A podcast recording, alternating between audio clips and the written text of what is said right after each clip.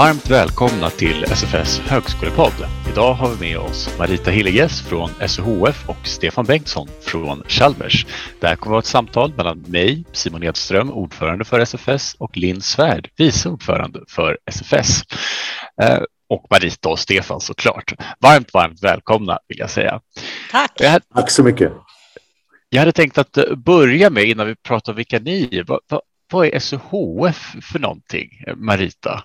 Ja, får jag berätta? Ja, vad fint. Jo, eh, SUHF det, har, det betyder Sveriges universitet och högskoleförbund. Ganska tråkigt namn. Eh, men, eh, men eh, med en fantastiskt rolig och intressant verksamhet. Eh, jag tänkte kanske komma från den här, den här vägen då in till vad SUHF är. Alltså Sveriges lärosäten som är ganska många, eh, närmare, närmare 38 stycken, vi gör massa saker tillsammans, alltid. Och det finns på alla nivåer i, lär, eh, i lärosätena. Ibland kan det vara att man, man bor i samma region så därför så jobbar man till exempel tillsammans, tillsammans med sitt, eh, sin regions liksom, och sjukvården eller skolorna där. Ibland så har man ungefär samma utbildningar och så jobbar man tillsammans med dem eh, och så. Ibland är det som så att man råkar vara arkivarie och så behöver man ha, ha, eh, prata med sina arkivariekompisar. Så det finns mängder med samarbeten på olika sätt. Någon gång försökte vi räkna alla nätverk som fanns och vi la av efter hundra för vi insåg det var liksom ingen idé. Det finns massor helt enkelt. Men så finns det också saker som vi kanske behöver göra allihopa tillsammans och som, där vi, där, som skulle vara bra för studenterna om vi gjorde likadant. Eller bra för regeringen om vi inte tyckte 38 olika saker utan kunde eh, råd, rådge dem med liksom en lite mer samlad bild. Och då har då alla lärosätesledningarna bildat det här förbundet och ber då vårt lilla kansli att organisera samtalen. Så samtalen görs av lärosätena själva. Men, eh, och SOHF liksom ordnar så att samtalen kommer till. Och samtalen görs i massa olika arbetsgrupper. Jag tror vi har nästan 30 olika arbetsgrupper för olika frågor där vi tycker, eller där lärosätenas ledningar tycker att här vore det bra om vi pratar ihop oss. Så SHF är vad lärosätena vill göra tillsammans helt enkelt. Påminner onekligen ganska mycket om SFS, men eh, jag tänker Stefan, utifrån ett rektorsperspektiv, vad känner du att SHF är? Hur användbart är samarbetet eh, för er på lärosätet? För, för oss som ett lärosäte med SOHF så är det en otroligt viktig sammanslutning. Det är ju som Marita beskriver en intressegemenskap kan man säga av lärosätena i Sverige och Eh, vi har ju väldigt, väldigt stort behov av att samordna oss på olika sätt i frågor. Vi har väldigt stort behov av att inhämta erfarenheter från kollegor vid andra lärosäten och vi har väldigt stort behov av att naturligtvis resonera kring viktiga frågor rörande sektorn och om möjligt eh, hålla en gemensam linje för påverkan på politik och annat. Så att SOHF är en arena för allt detta och på det sättet är det väldigt, väldigt viktigt. Vi hade nog, eh, de svenska universitet och högskolorna hade inte lyckats hantera sina uppdrag lika väl tror jag om inte vi hade haft den möjligheten att eh, på ett effektivt sätt stämma av tvärs över sektorn. Från stora till små, från eh, profilerade lärosäten till, till fullbredds, eh, från nya och gamla och så vidare. Så det är väldigt viktigt. Vi sysslar jättemycket med sådana erfarenhetsutbyte, alltså att lära av varandra att plocka och inspireras av goda exempel på när någon hittar ett bra sätt att lösa en fråga till exempel. Så, det, så det är väldigt mycket den typen av att vi träffas och pratar tillsammans och har seminarier och konferenser kring vissa frågor. Och den här typen av organisation finns i alla länder. Så att det, det, det verkar finnas ett, ett genuint behov av eh, sampratande så att säga. Eh, och vi lär oss också emellan varandra länders så att säga, samarbeten. Så att det är ett stort nätverk även det över världen. Eller för att komplettera ytterligare lite kort här, det att vara rektor är ju ibland en ensam post. På det här sättet bygger vi också nätverk mellan Sveriges rektorer och, och man kan få kollegialt stöd helt enkelt från övriga rektorer, vilket är också en sorts indirekt effekt av SOHF-nätverket och att man lär känna varandra. Ja, det låter ju verkligen som ett eh, viktigt organ och från SFS sida så är det också väldigt viktigt för oss. Det är ju jättekul att vi får samarbeta med, att vi studenter faktiskt finns med i ganska många av de här arbetsgrupper, referensgrupper, eh, expertgrupperna och det är vi jätteglada mm. för. Och ni sitter, sitter faktiskt med på våra styrelsemöten också, så vi har full koll på varandra. Åtminstone har ni full koll på oss. Ja, men det är så. Vi studenter ska ju vara med i alla beslutande beredande organ och, ja. och även om vi kanske formellt inte har det SFS SUHF så är det ju jättetacksamt från vår sida att ni vill lyssna på oss eh, och vi lyssnar på er. Jag tror att vi gemensamt kan driva frågor just mot ja, politik, makthavare och liknande. Men jag tänker, nu hoppar vi ju direkt in i organisationen, men vi vill ju också veta vilka ni är. Eh, vi fick ju höra här Stefan, rektor på Chalmers. Hur hamnade du där? Var började du som student? Ja, så att jag menar, äpplet har ju kanske inte fallit så långt från äppelträdet i det här fallet då, men eh, jag är alum från eh, Chalmers och också från Göteborgs universitet eh, faktiskt, så att jag har läst fysik och teknisk fysik på dessa båda lärosäten då i lite olika omgångar. Jag är rektor för Chalmers och jag har till sommaren varit det i sex år. Jag har ett förordnande nu som sträcker sig till sommaren 2024. Innan min post som rektor Chalmers var rektor på Malmö högskola, hette det då, det som heter Malmö universitet idag. Och det var jag på den posten i fyra år. Jag har min akademiska karriär på Chalmers. Jag är professor i ett ämne som heter fasta tillståndets elektronik, som är mikro och nanoelektronik, även om det var länge sedan jag var vetenskapligt aktiv nu. Och jag har väsentligen tillbringat mitt yrkesliv i akademin med det undantaget att jag strax efter jag var, blev civilingenjör då från Chalmers för länge sedan så arbetade jag ett tag i näringslivet då på Saab Automobil i Trollhättan. Byggde bilar under en period. Gift med Elisabeth, bor i Skåne trots att jag arbetar i Göteborg. Oj, bor du i Skåne alltså? Ja. var det då med anledning av att du var på Malmö högskola? Ja, det var då vi insåg eh, vilket eh, fantastiskt landskap Skåne är. Det var härligt. Jag är så ofin att fråga. Jag är ju själv skåning och eh, nu är jag i Stockholm men jag känner ju fortfarande en kärlek till de skånska favoriterna. Men jag tänker, Margita, låt oss få höra lite om dig också, för du har ju också erfarenhet av att vara rektor bland annat. Mm, det har jag. jag. Jag har tillbringat hela mitt så att säga, yrkesliv inom akademin och har tyckte det var fantastiskt helt enkelt. Jag började plugga till tandläkare och det gjorde jag för att min grannfru som var tandläkare sa de förlösande orden. Det är ett fantastiskt yrke. Det är medicinska frågor, vilket är spännande. Det är ett hantverk eh, så man får göra vackra saker med händerna, vilket är stimulerande och dessutom så möter man människor som tycker det ofta är lite jobbigt att komma till tandläkaren så det är en hel del psykologi i det hela. Så hon tyckte att det var en bra kombo och jag tyckte det lät bra. Så jag helt enkelt sökte Eh, till tandläkarutbildningen och där gick jag på KI. Sen fastnade jag i forskningen eh, ganska tidigt. Jag började forska om eh, nerver i slemhinnor och hud och smärta och sådana här saker. Alltså det var så fantastiskt. Hela grundutbildningen och även forskarutbildningen var ju som att erövra universum varje dag. Visserligen är det ganska små bitar dock, men, men det var liksom den här känslan av att få lära sig mer och förstå saker och ting.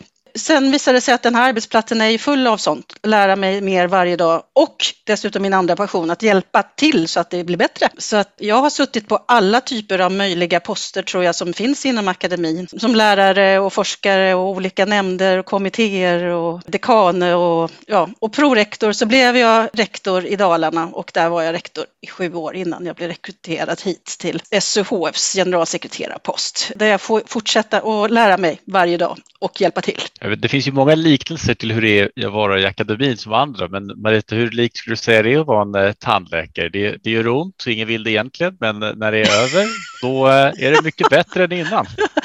Ja, alltså det är ju lite jobbigt att lära sig. Det måste man ju erkänna. Det gör lite ont, så därför har det varit bra att vara smärtforskare. Ja. Praktiskt. Ja, jag ska till tandläkaren i övermorgon. Om du har några tips för hur man överkommer den där psykologiska blockaden. Ja, jag ska säga ta bedövning om de erbjuder ja, det. Okay. Det låter som en bra idé. Jag vet inte riktigt vad motsvarande till bedövningar i högskolesektorn. Men på tal om saker som händer i närtid. Jag hade tänkt att fråga, just nu så är vi ju i slutfasen av coronapandemin och jag menar i början förra året så var det ju väldigt mycket bara coronapandemin, hantera alla konsekvenser hela tiden. Nu känns det som att vi ändå hanterat de flesta frågor. Sen finns det några frågor kvar, men, men det är också väldigt mycket annat som har seglat upp. Så jag tänker Marita och Stefan utifrån era respektive positioner, vad är de stora frågorna som ni jobbar med just nu? Ja, alltså jag kan väl bara börja, Stefan kan du fylla på. Det är ju inte som så att de här stora hangarfartygen som lärosätena är och den enormt stora verksamheten, störst i staten, har stått stilla och vi bara hanterat lite coronakonsekvenser utan vi har ju försökt upprätthålla eh, aktiviteten och, och eh, produktionen eller vad man ska kalla det med att både göra forskning och låta våra studenter så att säga kunna klara sina studier och komma ut och liksom ta del av arbetslivet sen. Så det har ju varit ett enormt arbete och det är så att säga grundmaskineriet har ju inte stått stilla på något sätt utan att de vanliga frågorna som, som man har att hantera på lärosäten har rullat på plus lite andra frågor om man säger som så. Och just nu så är vi då i liksom det stora nationella maskineriet inne i, i så att implementeringsfasen av den nya forsknings och innovationspropositionen eh, som precis har gått igenom riksdagen och där det finns en massa med idéer som har plockats upp från olika typer av utredningar som har varit tidigare. Eh, och det ska göras på ett någorlunda rimligt och bra sätt så att det blir bra för oss. Det är ett stort arbete som vi håller på med just nu samtidigt som vi försöker få allting annat att fungera bra och utvecklas. Så det, det tycker jag är en av de st stora frågorna just, just idag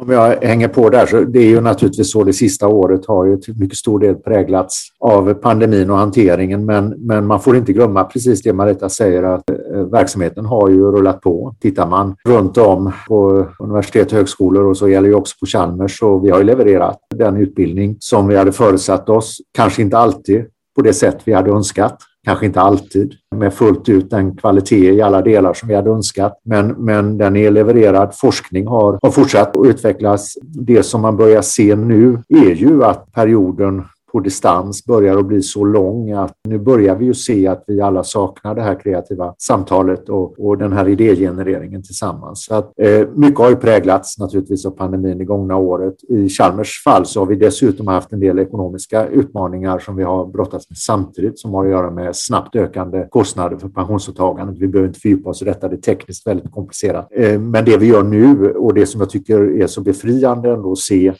i en verksamhet på distans är att blickarna höjs och att nu, nu börjar vi tala om den värld vi kommer ut i då bortanför pandemin. En värld som är bitvis likadan som den, vi, som den var när vi gick in i pandemin förstås, men kanske också på några sätt lite annorlunda för vi har lärt oss väldigt mycket under den här perioden. Så att nu, nu börjar vi ju blicka framåt och i allt detta så ligger ju naturligtvis, precis som Marita sa här, med de impulser som kommer ifrån forskning och innovationspropositionen till exempel, som ju också är präglade av detta att vi behöver rusta oss för en värld som möjligen ser lite annorlunda och som vi behöver fundera på vilken väg vi ska gå. Ja, jag blir lite fundersam här kring, för att generellt sett så brukar vi ha ganska så långa horisonter och kunna på något sätt planera och tänka långsiktigt. Och nu har vi ju sett att antalet studenter strömmar till, vi bygger ut. Så här. Lyckas vi eller ni då hålla de här två tankarna samtidigt, det vill säga nu den här forskningspropositionen som löper över några år, men mycket händer här och nu. Kan vi både ha den här långsiktiga tanken igång Samtidigt som vi på något sätt hanterar de mer akuta frågorna här och nu. Hur, vad tycker ni om det? Hur har det funkat? Jag tycker att eh, vi måste klara det naturligtvis. Eh, därför så kommer det ju alltid att vara. Det enda vi vet är ju att så förutsättningarna kommer att fortsätta förändras. Och så har de gjort förut också. Och vi måste klara, för vi är ju som lärosäten långsiktiga aktörer naturligtvis. Vi bygger systematisk kvalitet i vår utbildning. Vi, vi forskar för att ta fram ny kunskap och det finns ju ett väldigt långsiktigt perspektiv i det. Samtidigt måste vi kunna samarbeta med mycket mer kortsiktiga aktörer och, och, att dra nytta av att vi har olika tidsperspektiv och vi måste kunna klara att ställa om snabbt. Och är det någonting vi har lärt oss är att vi faktiskt kan det. Hela den jättelika utbildningsverksamhet som universitet och högskolor har i Sverige så gick vi över på digital form med ett par dagars varsel. Så att man har ju tidigare brukat säga universitet och högskolor är väldigt tröga organisationer, tar väldigt lång tid. Icke, vi kan om vi vill och vi måste.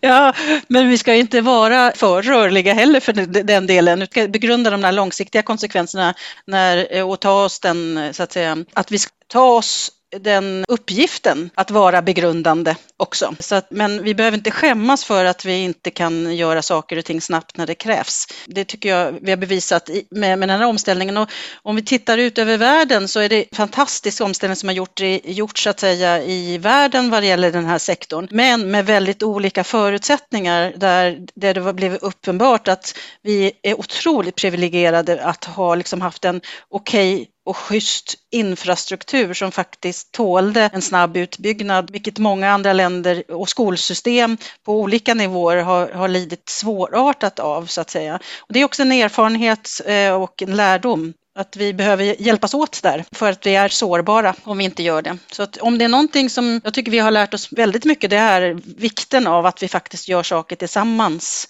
och hjälper varandra här.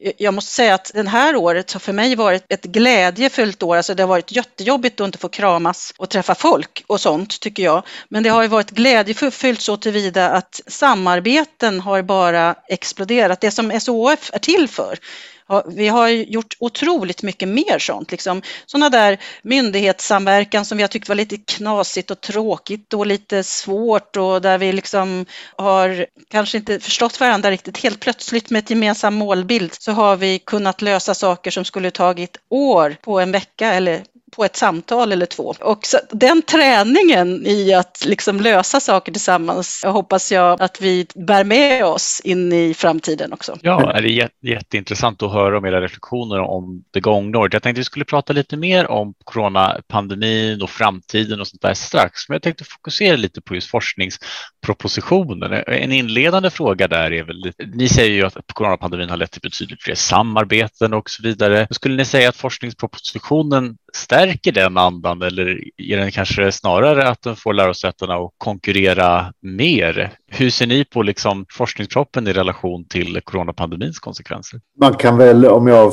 får börja där, det finns ju flera sådana konsekvenser. Man kan ju säga så här att när vi gick in i pandemin och, och analyserade situationen så kunde vi nog ganska väl gissa att regeringen skulle utöka utbildningsuppdraget. Det är ett naturligt steg i, i en, så att säga, när man ser en ekonomisk kris som nu då orsakad av pandemin. Jag måste säga att vad gäller omfattningen av forskningspropositionen och, och den satsning på forskning som görs där då sett i kronor blev överraskad då när den kom över storleken och det är positivt. Väldigt positivt att man riktar betydligt mer resurser till forskning och ser forskning och utveckling som en väg ur en kris eller en svår situation. Det är ju rätt sätt att tänka tycker jag. Sen med det sagt då kan man säga att den präglas ju väldigt, väldigt mycket av utmaningsdriven forskning och det är, det är bra på många sätt för det innebär ju att man kan adressera resurser till de stora utmaningar som vårt samhälle har och mänskligheten har. Då. Men med det sagt då så kan man säga att den innehåller också saker som inte kommer att bygga, bidra till att bygga kvalitet i längden. Den är inte särskilt långsiktig utan den handlar väldigt mycket om korta insatser där man riktar resurser och vi ser ett växande växande problem i sektorn och då kan man säga Chalmers är, är i det avseendet i den balansen värst ute då av samtliga, princip i alla fall samtliga större lärosäten. Och det handlar ju om att en allt mindre del av vår forskningsfinansiering är långsiktig och fri om man säger så, där vi eller våra forskare då kan välja vilka frågor man vill forska med. Så att, och, och medan allt mer är flaggat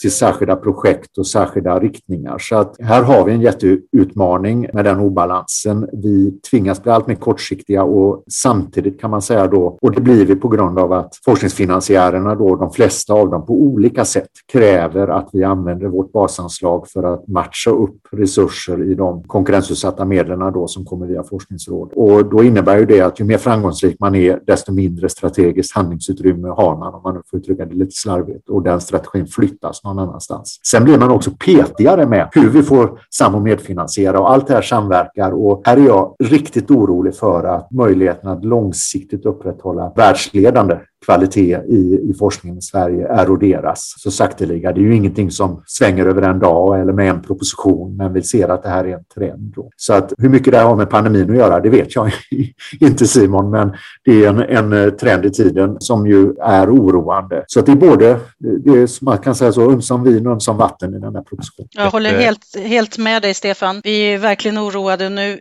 med den nya modellen som man lanserar för att dela ut delar av basanslagen enligt profileringsområden så börjar man också liksom styra in i de små basanslagen som ändå är. Det är vi naturligtvis principiellt oroliga för just på grund av det som Stefan eh, säger. Sen kan man väl säga att i din fråga fanns det också det här med konkurrens och sådana saker. Jag skulle vilja säga att det är ganska tydligt hur retoriken kring så att säga, styrsystemen och konkurrensens så att säga, förmåga till att vara det enda verktyget till kvalitet som det har varit under vissa tider har tonats ner ner.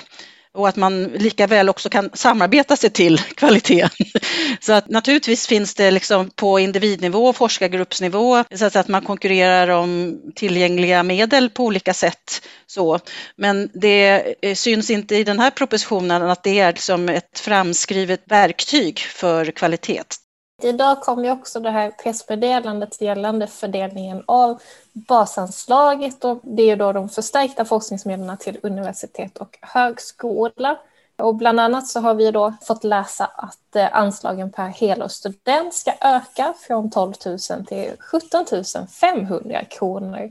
Och det jag tyckte var intressant i den här listan är ju till exempel att KTH är det lärosäte som får eh, högst medel. Vi har ju de här jättarna som Lund och Uppsala, men ändå så är det KTH som får mest på den.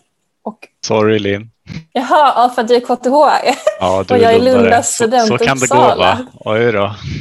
ja, nej, men jag, jag tyckte det var intressant för att jag var så naiv och tänkte så här, nej, men här blir det Lund för att det är så här, max 4 och ESS och liknande. Men jag tänker lite så här, vad kommer de här medlen göra för skillnad egentligen? Eh, ja. som att Handelshögskolan får om det var 5-6 miljoner. Så här, hur många doktorander blir det på det här? Vad ska vi göra med det? Stefan?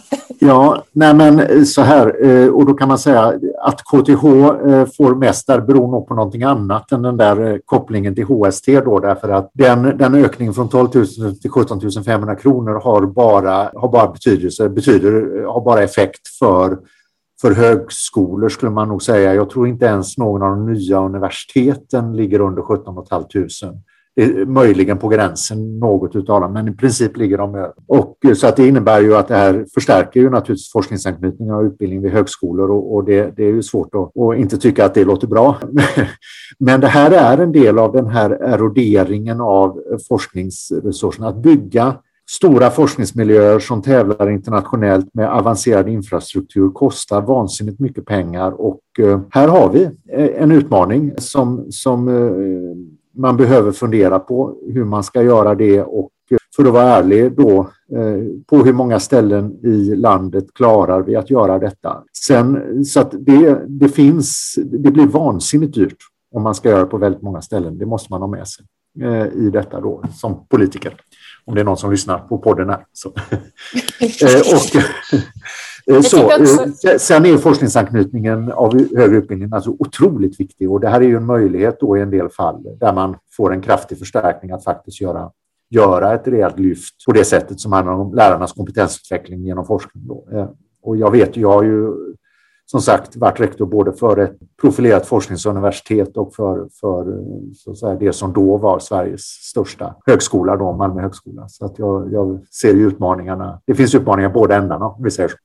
om jag fortsätter här så skriver de ju också att den här då ökningen eh, från 12 till 17 500 att det ska öka möjligheterna till forskningsanknytning och främja kvalitet i utbildningen.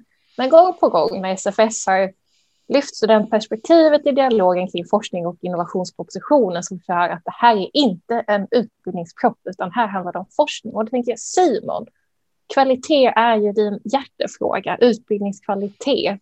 Hur ska det här kunna bidra till liksom en bättre utbildning? Ja, det är en väldigt uh, bra fråga. Alltså, tanken är ju, alltså någonstans är ju grunden till inte all eh, utbildning, men väldigt mycket av utbildningen det är att det ska vila på vetenskaplig kvalitet och för det behövs ju personal som är liksom vetenskapligt kompetenta. Så på det sättet så kanske det i vissa, som Stefan är inne på, i vissa miljöer så kommer det här vara jättebra, att, för då är det verkligen forskningsanknytningen och det ser vi bland annat lärarutbildningen, att där finns det väldigt stora behov av ökad forskningsanknytning. Men det vi ser, vi har ju ett tudelat finansieringssystem. Pottarna som ska gå till utbildning ska gå till utbildning och potten som ska gå till forskning ska gå till forskning. Och vad det leder till, enligt min bild, det är ju att mer och mer av tiden i de här befintliga lärare, liksom, lärarnas tjänster går ju till forskning på det stora hela i högskolelandskapet. Det kan ju vara lokala variationer och mindre av tiden går ju till utbildning och det är ju det vi ser också. Om man, om man justerar för inflation så går ju utbildningsanslaget per student varje år ner och eh, forskningsanslaget så att säga ökar. Men eh, där hade det varit intressant att höra era perspektiv. Marita och Stefan, delar ni den här bilden som, som SFS har att forskningen kontinuerligt får mer prioritet och mer resurser och utbildningen kontinuerligt får mindre prioritet och mindre resurser och vilken konsekvens ser ni att det har om så? Alltså, eh, absolut, du har, du har naturligtvis en poäng i det, men jag vill lyfta fram ytterligare en annan sak i det hela. Att vi inte har haft liksom en samlad högskolepolitik Eh, där man då liksom periodvis har satsat jättemycket på forskningen och sen periodvis har satsat på utbildning av, eh, utbyggnaden av utbildningen har varit, tror jag, liksom en väldigt skadlig mekanism för det har liksom slitit sönder vår så att säga, kropp. För det, det är ju liksom så att forskning och utbildning ska inte försiggå så att säga, i skilda delar av kroppen utan ska vara en integrerad del. Och om man då plötsligt bygger ut eh, utbildningen utan då ha motsvarande liksom, att det följer med på, med forskningsförankring. Så har man inte möjlighet att ge de nya lärare som man måste liksom hitta och anställa och få till sin utbildning tillräcklig så att säga, utveckling Eh, forskarutbildning eller fort och vidareutbildning och sådana saker. Så att då, då blir det som så att man anställer en lärare som man inte har möjlighet att ge forskning i tjänsten till exempel. Och sen så får man en jättestor forskningssatsning eh, som då inte är kopplad till utbildningen och då blir man tvungen för att kunna göra den forskningssatsningen anställa rena forskare mer eller mindre så man inte har möjlighet att ge möjlighet till att få undervisa om, om sina och i och med det heller inte föra sin nyvunna kunskap vidare på ett bra sätt via studenterna ut. Så att det här att man inte har tänkt liksom, helhet har skadat oss och, hade, och det kanske inte hade varit så farligt så att säga med våra två påsar om man hade tänkt åtminstone tillsammans och gjort, gjort liksom satsningar på ett, på ett klokt sätt tillsammans. Men jag skulle vilja säga det att de här 17 500 kronors eh, ökningen så att säga har definitivt eh, att göra med utbildningskvalitet. Men jag, jag var rektor för, på en av de lärosätena som, som låg långt under det så att säga i forsknings forskningsanslag. Och vi kämpade jättemycket med att försöka eh, liksom, få till bra forskningsmiljöer för att forskningsförankra de utbildningar som vi behövde gör, göra för kompetensförsörjningen. Och varenda så att säga, krona vi fick av, av staten i det här gick till satsningar för liksom, nya doktorander för att få kunniga och bra lärare och eh, att göra forskning inom de områden där vi har utbildning. Så att för den gruppen av lärosäten så, så, eh, så har det här varit otroligt viktigt. Även den förra höjningen som, som var gjorde faktiskt stor skillnad. Så att på det sättet är det relativt små pengar som gör stor skillnad i utbildningen. Eh, det var min personliga erfarenhet av att jobbat på flera sådana lärosäten. Men det du frågar Simon här hör jag bitvis är ju också så att säga synen på utbildningsuppdraget och forskningsuppdraget eh, och då, då kan man väl säga att eh, här har vi en utmaning. Eh, utbildning är ju universitetens och högskolornas första uppgift eh, och så att säga det som motiverar eh, oss som organisationer och sedan så har det här byggts då som eh, så att säga, utbildning på vetenskaplig grund vilket kräver forskning och, och, och så har det adderats lite uppgifter. Så att, men här har vi en och det är någonting som, som eh, vi kämpar med. Vi upplever i vissa situationer en, en, en, syn på de här två huvuduppgifterna som, som är sådan att forskning betraktas som lite finare. Helt enkelt. Det finns en statusskillnad och det är väldigt illa och det är någonting vi jobbar väldigt aktivt med att, att uh, göra någonting åt därför att, uh, så att säga, vår allra största effekt vi har på, på samhälle och omvärld och möjligheter framåt det är de studenter vi utbildar och ut, examinerar från våra lärosäten. Och så. Sen är det ju den utmaningen som Marita sig, även för ett homogent lärosäte som Chalmers så, så är ju eh, efterfrågan, om man nu får uttrycka det så, på utbildning och forskning i olika del, delar av vår verksamhet i olika ämnen. Den skiljer väldigt kraftigt så att eh, så här, marknaden för utbildning ser ut på ett sätt och marknaden, om man får använda ett sådant ord, för forskningen ser ut på ett annat sätt. Eh, så att de här resurserna är väldigt, så att säga, går i olika riktningar. Mm. Det är väldigt även, intressant. Även i så homogent eh, lärosäte som Chalmers eh, så, så, här, så ser det så ut och ännu mer så om man tittar på ett fullbredds med alla fakultetsområden.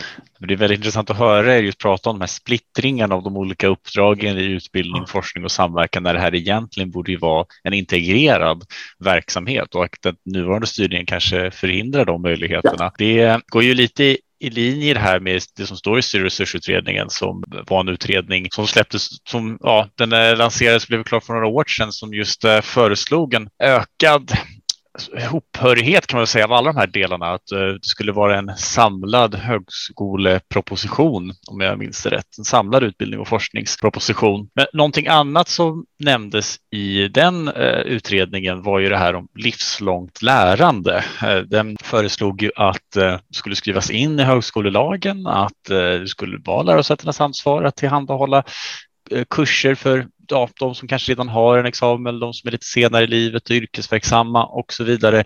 Och nu ser vi att det händer väldigt mycket på det. Vi ser ju att eh, i forskningspropositionen så har det här, eller nu tror jag att det har precis i dagarna klubbats igenom att det här kommer att bli lag. Eh, vi ser vissa andra utredningar som tittar på hur kan ett, ett studiemedelssystem för yrkesverksamma se ut och vi, så, vi såg också i den senaste forskningspropositionen att det kom ganska mycket om en väldigt tillfälliga medel för eh, livslångt lärande. Jag tänkte fråga er lite hur ser ni på den här balansen egentligen? Men å ena sidan så måste vi få in nya och man måste se till att den, de unga får så att säga en ny grundutbildning eller en, en, första grundutbildning. Och sen måste vi å andra sidan nu helt plötsligt ta in de här lite oftast äldre. Någonstans här finns det ju en balansfråga. Hur ska man resonera där? Mm. Det hela är en kapacitetsfråga. Alltså det finns naturligtvis styrsystemsfrågor i, hela, i det hela också. Men det, i grund och botten så hamnar, handlar det också om en, en så total kapacitetsfråga. Eh, för att om, om det är som så att eh, vi ska vi tar redan idag emot väldigt många så att säga, äldre studenter som kommer tillbaka till oss. Eh, de senaste siffrorna från UKÄ visar ju att ungefär 50 procent av de människorna som har tagit en examen kommer tillbaka och fyller på. Det är liksom ett, vi har redan ett sådant inflöde så att säga i, i vårt system. Men ska vi göra det här i ännu större utsträckning, vilket jag tycker att vi ska, och om man dessutom adderar på det nya systemet kring LAS-överenskommelsen där, där, där Sverige ska verkligen skärpa upp sina möjligheter till fortsatt livslångt lärande i det hela, så kommer vi få undanträngningseffekter av våra till exempel unga om, om vi inte ökar den totala kapaciteten.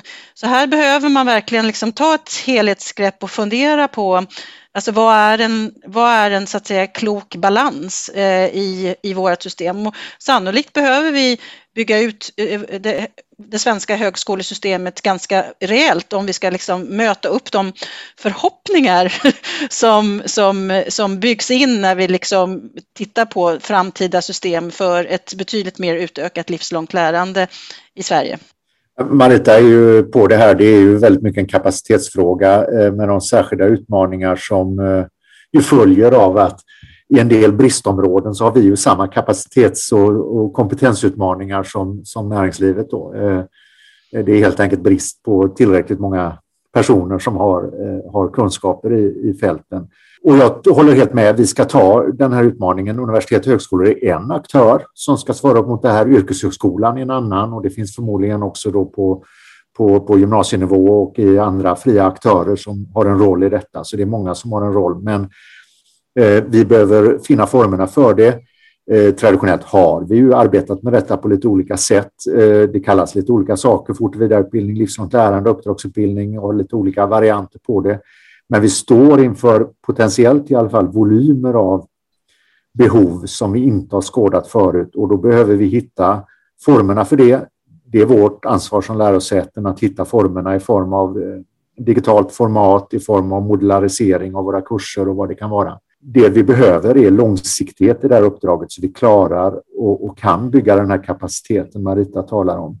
Så vi behöver vi behöver en, en modell för finansieringen av detta som inte har en kraftig undanträngningseffekt på vårt ordinarie utbildningsutbud. Och här skulle jag vilja säga att här famlar departementet eller departementen, eh, eftersom det är flera som är intresserade av detta, de famlar i mörkret här. De har, eh, utan här behöver vi hjälpa dem, tror jag, i dialog att hitta former som fungerar för detta. Och de måste vara långsiktiga, det är det som är. Nu kommer det korta puckar eh, kör korta kurser i år och så där. Men då har vi ju ett jättelikt kapacitetsproblem eftersom eh, i delar av de här områdena är ju lärarkåren redan ganska tungt, tungt belastad eftersom det finns en stor efterfrågan av reguljära studenter och, och dessutom har ju då pandemiutmaningarna i form av att föra över utbildningen på digital, digitalt format legat ovanpå detta. Då.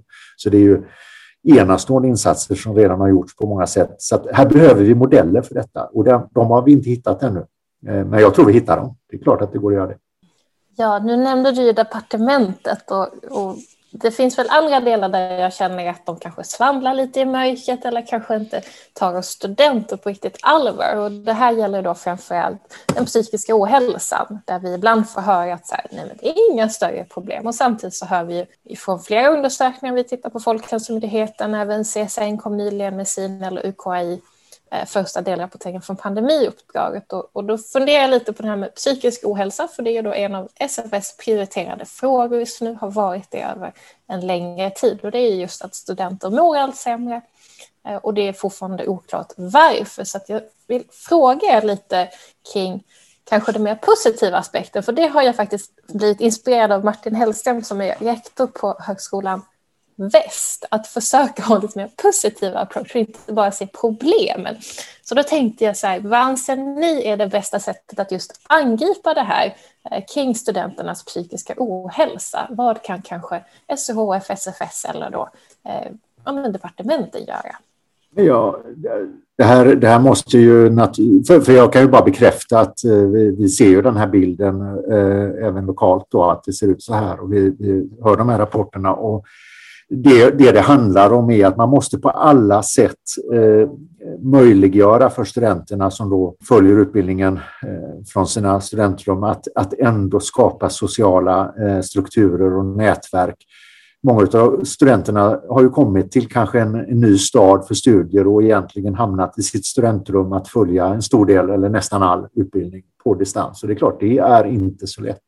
Utan här behöver ju eh, alla aktörer från departementet eh, via SOHF, SFS, lärosätena och kårerna arbetar gemensamt i att hitta formerna för eh, att, att säkerställa att, att det byggs, att studenterna får möjligheter till, till eh, studiesociala aktiviteter, även om de inte kan se ut riktigt på det sättet som, som vi är vana vid på grund av pandemin. Inte så jätteprecist, men så mycket bättre idé än så har jag nog inte sådär rakt på. Snabb följdfråga mm. där, Stefan. Vad, vad, har ni gjort särskilda saker på Chalmers så som du är inne på? Att det, det, det är ju delvis lärosätenas ansvar att verkligen se till ja. att det inte blir för illa. Vi kunde säkert gjort mer på många sätt. Vad vi gör är ju att verkligen försöka eh, uppmana våra lärare att, att hjälpa studenterna och skapa struktur i kurserna. Att man håller ihop, ihop grupper av studenter som får möjlighet att, att arbeta ihop och reflektera över problemställningar och på annat sätt i samma grupp då under kurserna. Att man möjliggör för, för lite friare så att säga, kontakt mellan läraren och studenterna i meningen då lite fika och liknande saker där man kan hjälpa till med detta. Chalmers studentkår har tagit fram eh, en massa eh, väldigt kreativa idéer hur man i pandemitid ändå kan, kan så att säga ha studiesociala aktiviteter eh, och vi jobbar ju tätt ihop i detta. Men det är inte så lätt. Vi känner ju det alla. Vi har ju många medarbetare som också på, på så till den grad saknar sin arbetsplats att de faktiskt inte mår bra. Sen finns det de som tycker det här är toppen att jobba på distans också förstås. Och det ger möjligheter till, till en flexibilitet. och så. Forskare som tycker det är underbart. De har aldrig haft ett bättre forskningsår. Inte en chef i, i synes som stör med massa möten och grejer. Ja, pandemin har ju påverkat oss alla lite annorlunda. Jag tänker, men det här är ju inte bara en fråga som gäller under pandemin. Det här har ju varit en fråga även innan och kommer förmodligen vara det efter också. Marita, hur ser du på psykiska ohälsan utifrån ett mer lärosätes eh, nationellt perspektiv? Ja, alltså det är ju en, en så att säga, livet är, är liksom, har sina perioder där man mår bättre och där man mår sämre. Och det är väl välkänt att just i, i den unga vuxnas period, period som, eh, som inte som är så att säga huvuddelen av våra studenter, även om vi har många andra eh, studentgrupper också, så är det som en omtumlande livsperiod när man ska liksom flytta hemifrån, egen ekonomi utan att ha några pengar, bostadssituationen och sen då prestationskraven som är liksom inbyggt i, i liksom skolsystemet generellt men inte minst så att säga, högskolesystemet där man verkligen måste klara sig själv och prestera eh, eh, så. Också som en slags träning inför de yrken som också kommer kräva olika typer av prestationer. Så det här är liksom en tuff period i många människors liv. Och, och där tycker jag att vi ska naturligtvis eh, göra det bästa vi kan för att man ska liksom ta, orka ta den som utveck, ett, utvecklingsfasen som man behöver gå igenom. Eh, som, som ung vuxen. Och så att, att ha en fungerande liksom, pedagogisk tanke som inte bygger på penalism eller sånt där, som bygger på att man ska lära sig så mycket som möjligt och hitta verktygen för att lära sig och egen makt över sitt, liksom, sin livssituation och sin lärandesituation. Att man har en, ett stödsystem när det sviktar eh, med både som vakna ögon och eh, information om vart man vänder sig så att säga när man faktiskt behöver stöd. Det tycker jag är vårt ansvar. Likväl som att vi har ansvar som medmänniskor att, eh, att eh, hjälpa våra medmänniskor och guida dem rätt när, när det också sviktar, vilket det gör för de allra flesta människorna någon gång under livet så att säga. Så att eh, jag tror också att den här pandemisituationen när vi har haft en ökad påfrestning eh, också har någonting att lära oss inför vårt framtida nya normala så att säga liv och, eh, och att vi kanske på ett helt annat sätt kan prata om de här frågorna för jag tror också att det har varit en hel del skambelagt att man inte fixar det. Liksom, eh, och, och, nu är det så pass allmänt utbrett, inte bara bland studenter utan bland hela befolkningen som som har haft det skittråkigt det här året och mått dåligt. Så eh, att det är okej okay att prata om att det inte känns bra och att man skulle behöva hjälp eller förändring. Ja, jag tänker då om vi tittar lite mer framåt som du nu sa, ingen verkar vara, eller ingen, vi hörde ju här, vissa har ju faktiskt gillat den här tiden, tror det eller ej. Ja, och delar, och delar av tiden, eller delar av de konsekvenserna har absolut en hel del fått mer ro i sina liv och tid för sin familj och, eh, och både arbets och studiero. Men vad tror ni då om vi blickar framåt? Så här, vad har vi för spaningar? Hur kommer utbildningslandskapet eller den högre utbildningen att förändras? Vad tror ni kommer vara bestående?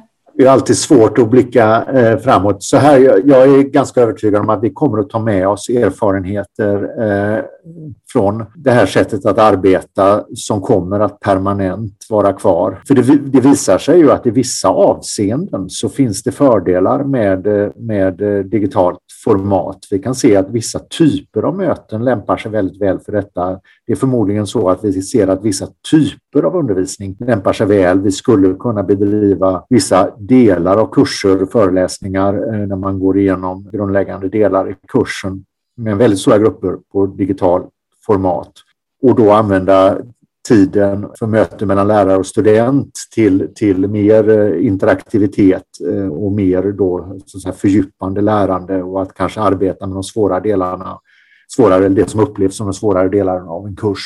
Så gör vi rätt så kan vi höja kvaliteten eh, genom att nyttja den här möjligheten. Vi ser också att det kan finnas ett värde att vi tillåter vår personal att arbeta på distans någon någon eller ett par dagar i veckan kanske om man vill det. Om arbetsuppgifterna tillåter det förstås. Men eh, så, så att eh, vi kommer att, är jag övertygad om, att hitta och ta med oss saker som gör att vi kan höja kvaliteten i det vi gör. Eh, och det är en jättemöjlighet, den får vi inte tappa bort. Och samtidigt så finns det ett jättestort värde för vad vi har lärt oss nu är att vi kan arbeta digitalt. Vi skulle kunna arbeta, det kunde vi innan också, men vi tänkte inte på det, men vi skulle kunna köra utbildningar ihop med universitet på andra sidan jorden eh, väldigt mycket enklare än vad vi trodde att det skulle vara förmodligen. Och vi ser också att det kan komma virtuella universitet av olika slag. Men vi har en sak som är eh, ett stort värde över de flesta, kan man säga, svenska lärosäten eller alla. Och det är att vi har ett campusliv. Vi har, det finns ett stort värde i campus. Att, att vi återvänder till campus eh, tror jag är ganska klart, men vi kommer att ha med oss digitala inslag. Det finns ett, ett stor kvalitetsaspekt i campus också. Den ska vi nyttja. Mm. Marit, Marit ja. vad tror du? Ja, alltså jag, jag hoppas att den här ehm, frihetskänslan och möjligheten till att hitta nya lösningar kan få vara kvar. Alltså, det är precis som Stefan säger, vi visste liksom rent intellektuellt att vi skulle kunna göra kurser på, liksom, med, i nätverk över hela jorden även innan, men det var som om det var en slöja över det som gjorde att det liksom aldrig blev riktigt aktuellt, även om det finns lärosäten som har liksom experimenterat med det. Så. Men, men nu har liksom alla den här erfarenheten av att, att saker och ting går att göra på väldigt många fler olika sätt och att vi kanske då kan vara mer, mer precisa i hur vi designar för, för kvalitet i, i de olika sakerna och medvetna om vad vi egentligen vill åstadkomma med de olika komponenterna så att säga i, våra, i, i våran samvaro med varandra. Allt ifrån utbildning till andra typer av möten och, och vetenskapliga konferenser och delande av e-, erfarenheter. Så. Och jag hoppas, ett sätt att det här kan få finnas och leva kvar som den här eh, utökade rymden av möjligheter är att vi kanske går lite olika vägar som inom olika utbildningar eller inom olika lärosäten eller inom olika länder för den delen också som gör att, eh, att, att eh, mångfalden av sätt att göra på det liksom blir fortsatt tydlig. Så, och då liksom på något vis så så etablerar sig den här, den här så att säga, större rymden som en palett att använda sig av. Jag är väldigt tacksam för de organisationer nu som faktiskt i fullskala prövar att jobba på ett nytt sätt. Men att ta UKÄ till exempel, där de tänker på ett annat sätt om arbetsplats. Eh, bara det att de gör det och, och skaffar sig erfarenheter är en en gåva till oss alla för att se, är det, är det något för oss eller för en grupp hos oss så, så vidare. Och jag hoppas att det kommer hända inom utbildningssidan också, att en del så att säga, utbildningslärarlag sticker åt ett visst håll och gör någonting riktigt extremt och balt ja. och vi får reda på vad det är för någonting. Så. Det, det hoppas jag och jag hoppas att våra styrsystem då inte blir så rigida så att vi ska ström, liksom i effektivitetens sätt ska strömlinjeformas utan att vi tillåter den här utvecklingspotentialen som det är att vara en mångfaldig sektor. Stort tack, jätteintressant att höra er resonera om det här, särskilt om eh, vad som kommer hända efter pandemin. Det här har varit ett samtal mellan mig, Simon Edström, SFS ordförande, Linn Svärd, SFS vice ordförande, Stefan Bengtsson, rektor Chalmers tekniska högskola och Marita Hiljes, SOHs generalsekreterare. Det här inspelningen och alla andra kommer ni hitta på sfs.se och eh, med det vill jag tacka Stefan och Marita så mycket för att ni kom till Högskolepodden. Tack så mycket. Tack själva. Tack. Ansvarig utgivare Katarina Metsis.